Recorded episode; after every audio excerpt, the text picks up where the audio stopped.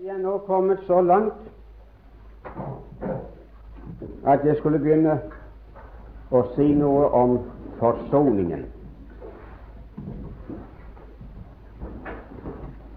Og det blir eh, visstnok under romertallet fem beskriver det soning.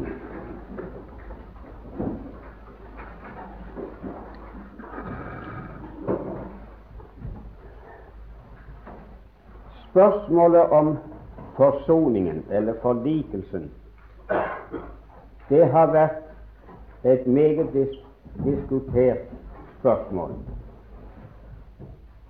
Opp gjennom tidene så har det vært gitt mange og mange forskjellige tolkninger av den. Men nå er det selvsagt ikke min mening å gi verken noen teologisk eller filosofisk fremstilling av forsoning. Ikke kan jeg det. Skal man legge det rette mål på det, og heller ikke det er min hensikt. Men jeg vil forsøke i de timer som er igjen, å påvise iallfall en del av det som Bibelen selv sier om den sak. Ikke det som de forskjellige fortolkere eller kirkefedre har lært om spørsmålet, men det som der uttrykkelig står, og som enhver av oss, enten vi er lek eller lærd, kan lese og gjøre oss kjent med. Og Det første jeg vil gjøre oppmerksom på, det er forlikelsen slik som den var og foregikk under den gamle pakt. Forlikelsen under den gamle pakt. Og da tror jeg at jeg først vil eh, gjøre oppmerksom på hvor den foregikk. Vi skal slå opp Andre Mosebok 25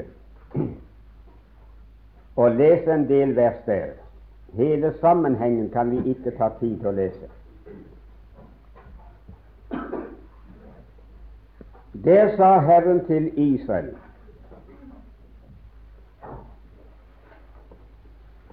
fra vers 8 Og de skal gjøre meg en helligdom, så vil jeg bo midt iblant dem.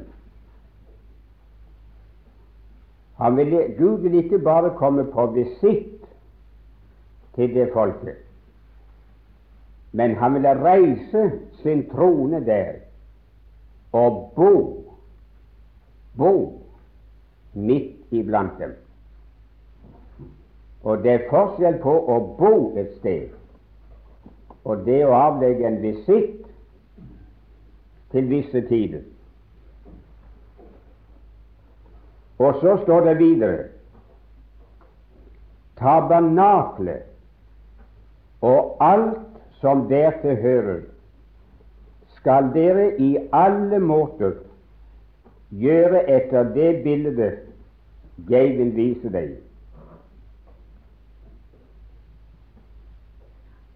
De skal gjøre en ark av akasietre, halv tredje alen lang og halvannen alen bred og halvannen alen høy. Og så fra vers 16 Og i arken skal du legge vitnesbyrdet som jeg vil gi deg. Det var loven som ble gitt på Sinai. Så skal du gjøre en nådestol. Og så ser dere som har Bibel, at der står en stjerne, og under er gitt en forklaring. Det er låket på arken som Herren tronet over, og som på den store forsoningsfest ble oversprengt med sonofferets blod. Ja, vi kan godt lese sammenhengen. Og du skal gjøre to kiruber av gull. I drevet av beide skal du gjøre dem. Og når det står 'drevet av beide', det uttrykk vil jeg finne i så mange tilfeller, så betyr det at vi skulle hamre ut av samme stykke det som var foreskrevet de skulle lage. Nå skulle de ta ett stykke gull, og av det stykket gull skulle de ikke bare lage et låg som dekket over arken, men samtidig hamre ut av samme stykke de to kirubene. Bibelen selv kaller det et kunstferdig arbeid. Og det står at han hadde utvalgt noen spesielle menn og fylt dem med kunst, forstandig ånd. Så når Moses kom ned og sa hva han hadde sett på fjellet, hvordan de gjenstandene så ut, og hvordan de skulle gjøres, så kunne de lage det. Det hadde Gud gitt dem forstand til å kunne utføre. Det er neppe det en gullsmed som kan klare noe sådant i dag. Du skal gjøre to kjeruber av gull. I drevet arbeide skal du gjøre dem, og sette dem ved begge endene av nådestolen. Den ene kirub skal du sette ved den ene ende, og den andre kirub ved den andre ende. I ett med nådestolen skal du gjøre kirubene, én på hver side av den, på hver ende av den. Kirubene skal holde vingene utbredt og oppløftet så de dekker over nådestolen med sine vinger, og deres ansikter skal vende mot hverandre. Mot nådestolen skal kjerubene vende sitt ansikt. Så skal du sette nådestolen ovenpå arken, og i arken skal du legge vitnesbyrdet som jeg vil gi deg. Og merk det jeg vil komme sammen med deg der. Fra nådestolen mellom begge kirubene som er på vitnesbyrdets ark, vil jeg tale med deg om alt det som jeg vil by deg og si til Israels barn. Og jeg vil komme sammen med deg der og tale med deg ovenfra nådestolen alt det som jeg har å by deg eller si deg til Israels barn. Vi skal også lese hva det står i Fjerde Mosebok syv og det 89. vers. Fjerde Mosebok syv, vers 89. Da er vi kommet så langt at tabernaklet er reist. Det er blitt en virkelighet. Og når Moses gikk inn i sammenkomstens telt for å tale med ham, med Herren, da hørte han røsten tale til seg fra nådestolen ovenover vitnesbyrdets art mellom de to kjeruber. Således talte han til ham. Altså, det første sted sa han, 'Jeg vil komme sammen med deg der og tale med deg'. Og så sies det her at det skjedde når Moses gikk inn for å tale med ham. Så hørte han røsten tale til seg ovenifra nådestolen. Men jeg ville gjerne det satte en strek under navnet, eller det navn på tabernaklet som er anført her. Og når Moses gikk inn, ikke i tabernaklet, men når han gikk inn i sammenkomstens telt Den benevnelse av, eh, av eh, tabernaklet den vil dere finne mange steder i Skriften. Og det er svært talende. som jeg har antydet ved et par andre leiligheter når jeg eh, nevnte litt om lovgivningen på Sinai, så hadde Gud avsondret seg ifra folket og skilt dem fra seg. Han steg ned på fjellet, men så var det satt et gjerde omkring fjellet. Og Gud sa om det bare er et dyr, for ikke å snakke om et menneske, som rører ved det fjellet som jeg står på, så skal han dø. De har syndet, og de er urene, og jeg er hellig. Det er intet samfunn og intet fellesskap imellom oss. Det kan ikke være det. Og slettes ikke på den grunn som dere nå i 2. Mosebok 19 har gått med på, at jeg taler mine ord, og dersom dere hører og holder alt det jeg har talt, da skal dere være mitt folk og jeg skal være deres Gud.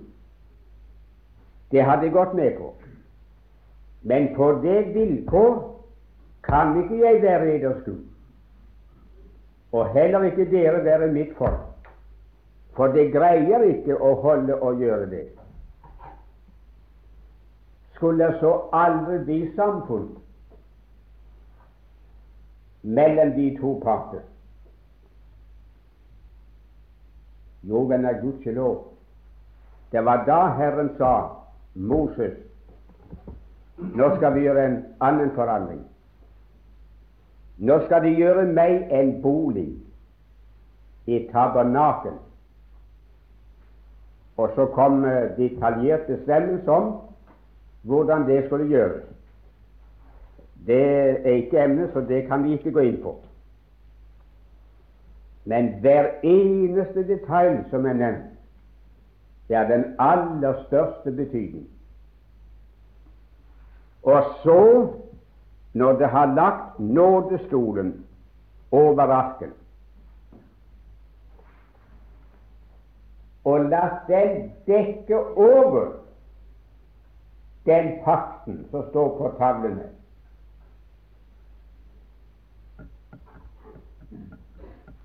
Og det er ganske interessant å merke at når målene for disse forskjellige gjenstander oppgis,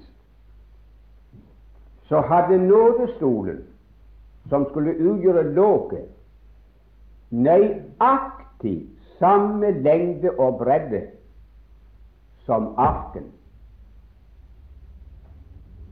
Så det fantes ikke den minste sprekk som du kunne se gjennom til det vitnesbyrdet, pakten, som lå i arken. Den ble fullstendig dekket og skjult av nådesolen. Og så sa han, 'Jeg vil komme sammen med deg der'. På Sinai går det ikke an å komme sammen med dem. Der står gjerdet. Der er vi atskilt. Der kan dere ikke komme nær til meg, og der kan ikke jeg komme nær til dere. Der må det tilbe de frasang, for dere er urene, og jeg er hellig. Men der, på nådestolen, hvor jeg har reist min trone, hvorfra jeg skal regjere, styre og handle med dere på jorden, der vil jeg komme sammen med dere. Så, så hvis noen av dere er interessert i å høre min røst og ha samfunn med meg, så er det ikke dagen å gå til Sinai. Men det får gå til sammenkomstens telt. Så møtes vi i sammenkomstens telt ved nådestolen. Og derfra vil jeg tale alt det som jeg har å si dere. Og du og du, venner, hvis alle troende i vårt land og i verden hadde vært oppmerksom på at Gud har holdt flyttedag Flyttedag for godt. Han er flyttet fra Sinai og til nådestolen i sammenkomstens telt. Og så taler han ikke litt fra Sinai og litt ifra nådestolen, men derfra taler han alt det han har å tale om til sitt folk. Men det delen av menneskene ikke har sett, og som troende mennesker ikke har sett, og mange forkynnere ikke har sett. Og så får de troende mennesker til å springe livet av seg mellom Sinai og Golgata.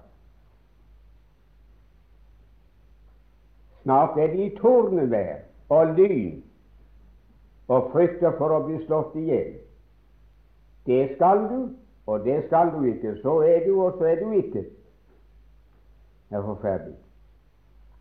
Her får vi sendt til nådestolen og se om det er nåde for meg. Så springer de livet altså der. Trelle hele livet gjennom. Og blir aldri helt viss på at de er frelst. Og så lever den bønnen ennå hos mange gamle troende.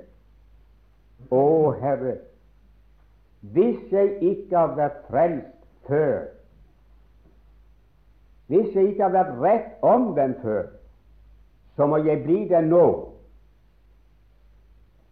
Så blir de aldri ferdig med det. Så de holder på med det år ut og år inn, og blir aldri visst på det, er rett for. Er det undres på, godt folk, at de får en krise når de skal dø?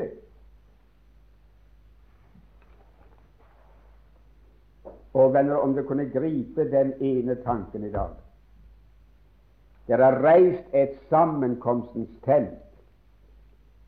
Der har Gud tatt bo. Og der er reist en nådestol.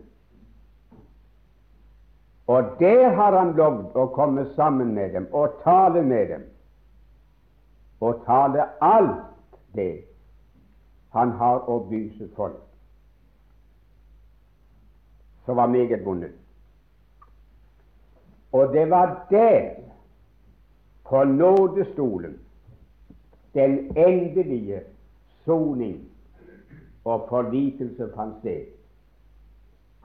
Derfor leste vi så dere i, eh, i 2. Mosebok 25, i den lille forklaringen som er gitt, at nådestolen er låket på arken som Herren tronet over, og som på den store forsoningsfest ble oversprengt med sonofferets blod.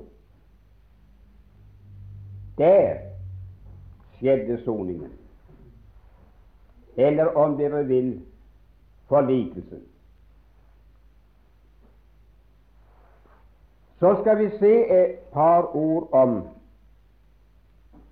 hvordan den forlikelsen og soningen fant sted. Jo bedre vi kjenner Det gamle testamentets forhold, jo lettere har vi for å få et sant begrep om den soning som er gjort i den nye pakt. Dere kan notere og slå opp Tredje Mosebok 17, og vi leser det ellevte vers.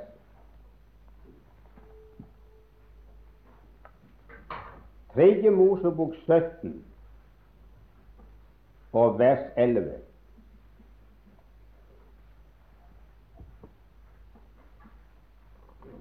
For kjødets sjel er i blodet og jeg har gitt eder det på alteret til å gjøre soning for eders sjeler. For blodet er det som gjør soning, fordi sjelen er i det. Når dere her leser uttrykket 'sjelen', så må dere være oppmerksom på at dere ikke tenkt på det vi vanligvis mener når vi snakker om sjelen. Vår sjel, vår udødelige sjel, den som enten skal til himmelen eller helvete. Men sjelen står her som uttrykk for livet. Et dyr har ingen sjel i denne åndelige forstand. Så når vi snakker om at du må få din sjel frelst Men ethvert dyr, enhver levende skapning, har en sjel. Men sjelen betyr der selve livet. Og når du har tatt, tatt uh, livet, så er det død. Så er det ikke mer. I den engelske bibelen der er det oversatt akkurat slik. Jeg har gitt dere Nei, kjødets liv. Kjødets liv er i blodet. Og jeg har gitt dere det livet på alteret til å gjøre soning. For livet er det som gjør forlikelse.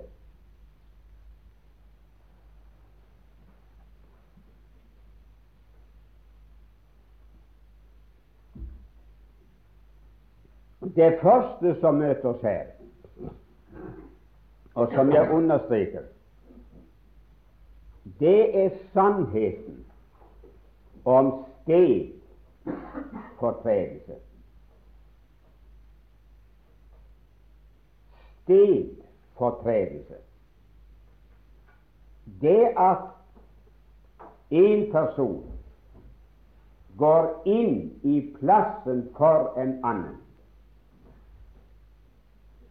er det som en selv skulle være, og gjør det som en selv skulle ha gjort.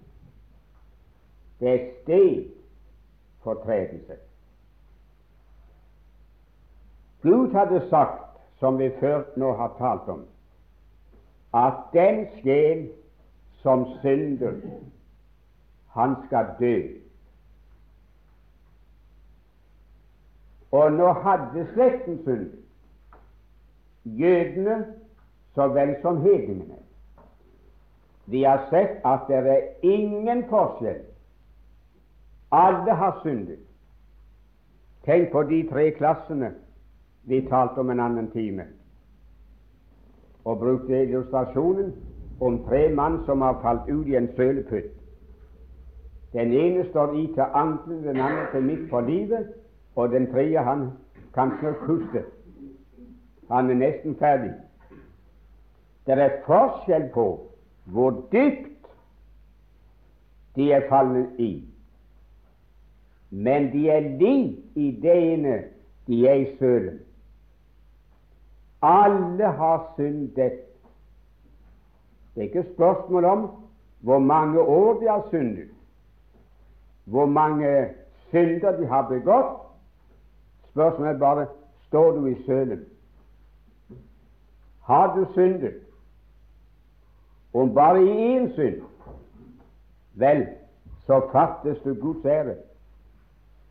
Og så er du i den tilstand og stilling at du skal dø, og dø i ordets verste mening. Dø forbannelsesdøden bort fra Guds ansikt. For den lønn som synden gir, det er døden. Slik var stillingen. Men så kommer Herren her, og så sier han Israel, jeg har gitt dere blodet, livet på alteret, til å gjøre soning for dere.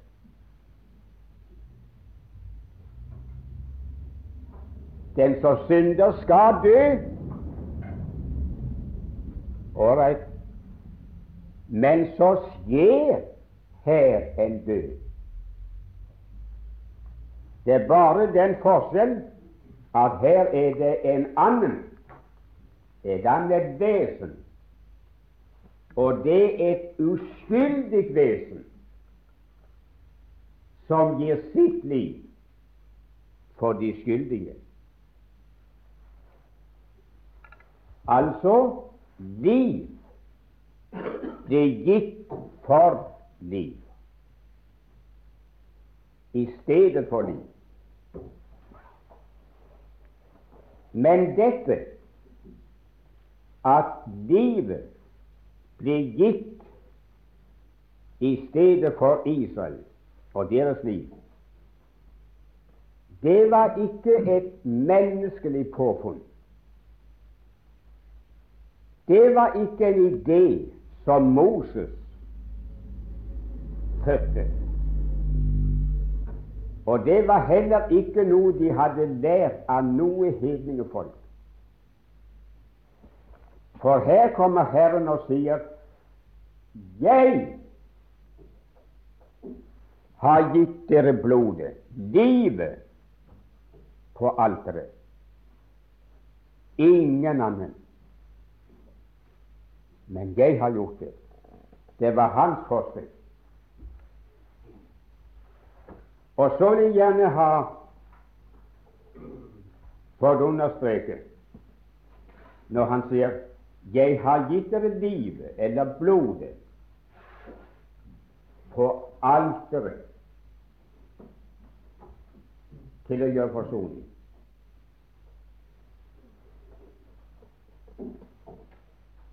Det var ikke blodet i dyrets årer som gjorde solen. Det var det samme venner hvor fullkomment og lydeløst det offerdyret var. Så lenge blodet rant i dyrets årer, hadde det ingen virkning for dem. Mens han jeg har gitt dere det på alteret. Og hvis et dyrs blod kunne komme på alteret, så måtte dyret gi sitt liv. Det måtte slappes, Det måtte dø. Livet måtte gis i stedet for liv. Jeg vet ikke om de kan føre det videre selv, og skjønne hvilken adresse det har.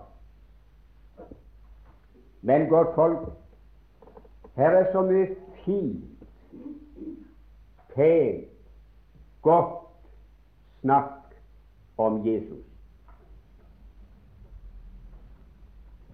Vi kan snakke slik om Jesus at det blir simpelthen rørende. Det fineste, beste mennesket som har levd i verden.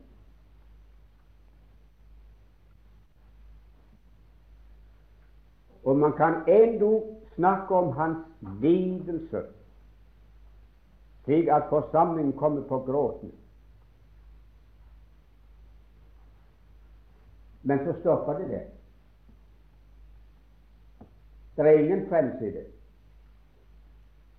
Ingen blir vakt ved det. Og ingen får tro seg frelst ved det. Og ingen troende kan bli frigjort ved det. Er noe religiøst, fint snakk.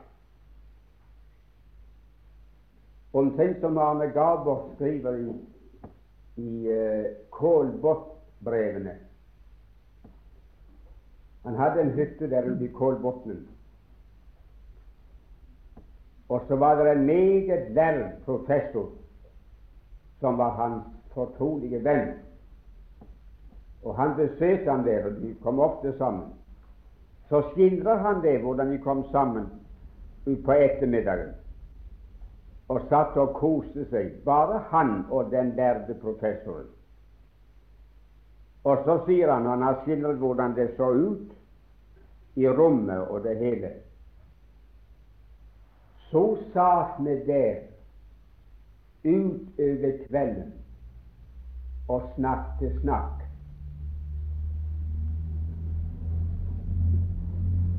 To sprenglærde menn kommer sammen. De tidde ikke. Nei da, de snakket.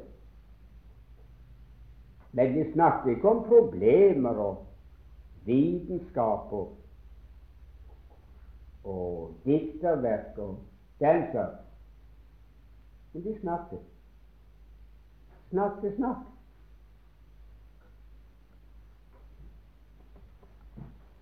Nå kan de tro meg akkurat hva de vil. Men jeg har satt under mange prekestoler. Jeg har hørt prester, og jeg har hørt lekfolk. Det mangler ikke på at de snakker. Kjære folk, det går omtrent som de hadde motor i munnen. Men hva snakker de? De snakker snakk. Det er ikke evangeliet. Det er ikke noe som kan vekke og frelse syndere og frigjøre troende. Men du kan ikke si at det de sa, er løgn. Du kan ikke henge hatten på noe og si at det der var galt. Det er bare, min venn, at det vesentlige det hadde manøvrert seg forbi. Det er en from, god, ufeilbar Jesus som forkynnes. En levende mann med livet og blodet i årene som forkynnes, men ikke blodet på alteret. Ikke stedfortrederen som ga sitt liv i døden. Jeg skulle preke for en tid siden sammen med en prest,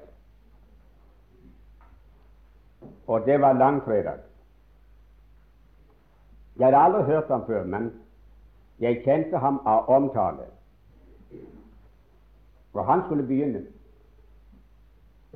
Det første han gjorde da han kom på prekestolen, det var å opplyse Gud om at det var langfredag. Akkurat som Gud ikke visste det. Han begynte akkurat så. Kjære Gud, det er langfredag i dag. Jeg kom så på latteren jeg kunne lett beholde meg. Det var merkelig at Gud ikke visste det. Han måtte få den opplysningen at nå er det langfredag. For den kjære folk, hva slags preken skal vi få her i dag? Så leste han teksten. Og så sa han, da man kom et stykke uti Så satt Gud der oppe i himmelen på sin trone og så ned på oss mennesker. Og så så han hvor stygge vi var med hverandre. Han så på all misunnelsen, all hatet og all forfølgelsen og remste opp en hel del av det der. Og så tenkte han dette kan ikke gå an. Jeg skal sannelig sende dem min egen sønn til jorden så skal han lære dem å leve.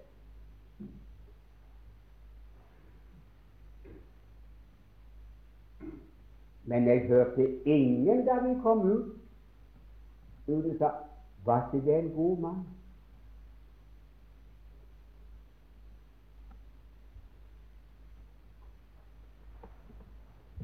Denne, det, det er så kristenfolket vårt synes å mangle. Det er øren, så de kan høre.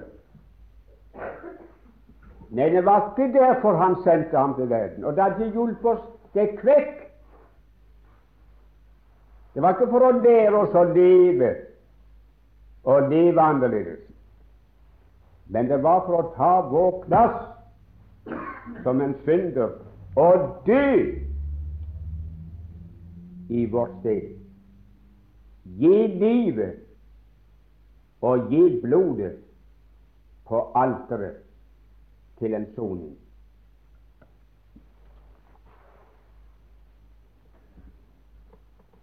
Det kunne sies så uendelig meget mer om det. Men eh, på en måte så skulle disse bemerkningene være nok for dere nok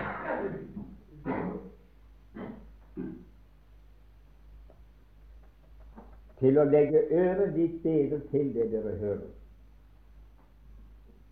Om det er korsets evangelium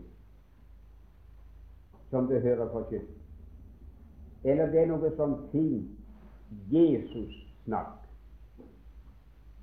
som du ikke kan si er galt, men som ingenting har med frelsen å bestille.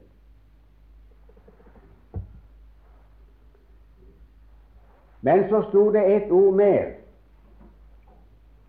Jeg har gitt dere blodet, eller den engelske bibelen. Jeg har gitt dere livet på alteret. Du skjønner, tar du blodet av et dyr eller av et menneske, så har du tatt livet så er det død Så det er helt korrekt med den engelske oversettelsen. Jeg har gitt dere livet på alteret til å gjøre fordikelse, eller også, som andre omsatte, soning for eders liv.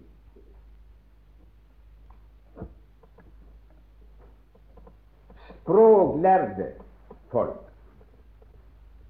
de har opplyst meg om For jeg har, jeg har nokså grundig undersøkt det her at det hebraiske ord som vi her har fått oversatt med forlikelse eller soning, det heter kafar. Vet om det er galt i å at du noterer sånn fremmedord, men har du interesse av det, kan du få det. K-A K-A-P H-A-R Kafal. Og det ordet betyr i ethvert tilfelle det, dekke over. For eksempel, jeg har den kniven der. Der ligger den. Så gjør jeg sånn, legger trøyen over. Så har jeg dekket over den.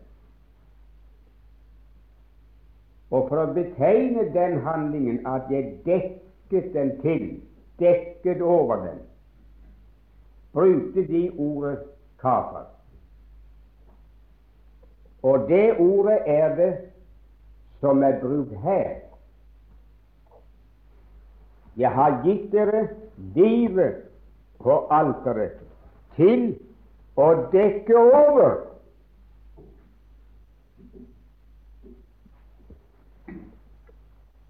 Vil dere med slå opp Første Mosebok, det sjette kapittel og 14. vers. Der sa Gud til Noah, Første Mosebok 6, vers 14. Gjør deg en ark av goffertre. Gjør kammer i arken,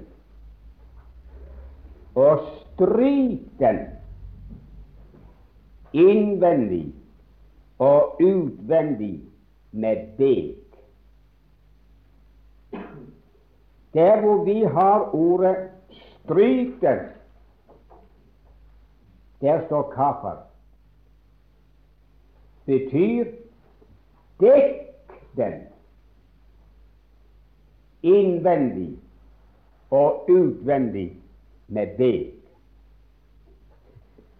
Du skjønner, det var om å gjøre å holde flommens vann, dommens og dødens vann, ute av arken.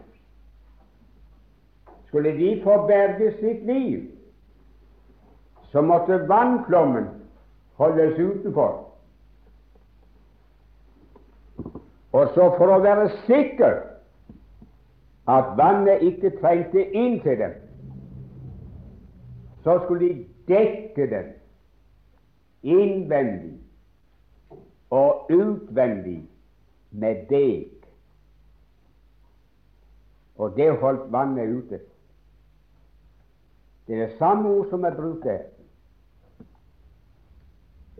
Og hvis du nå tenker deg om, så taler det for seg selv.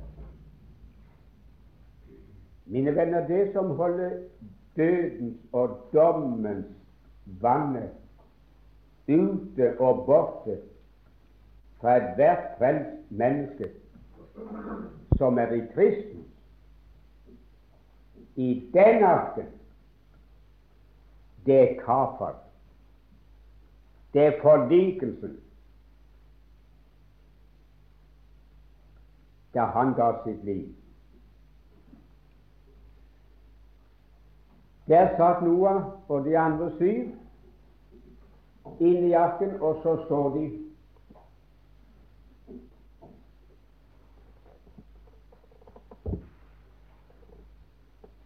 på bildet. Det er tett. Det holder. Og så noen på arken utenfra. De så bare bed. Spons tett. Og på grunn av det så satt de ofte der inne og var trygge.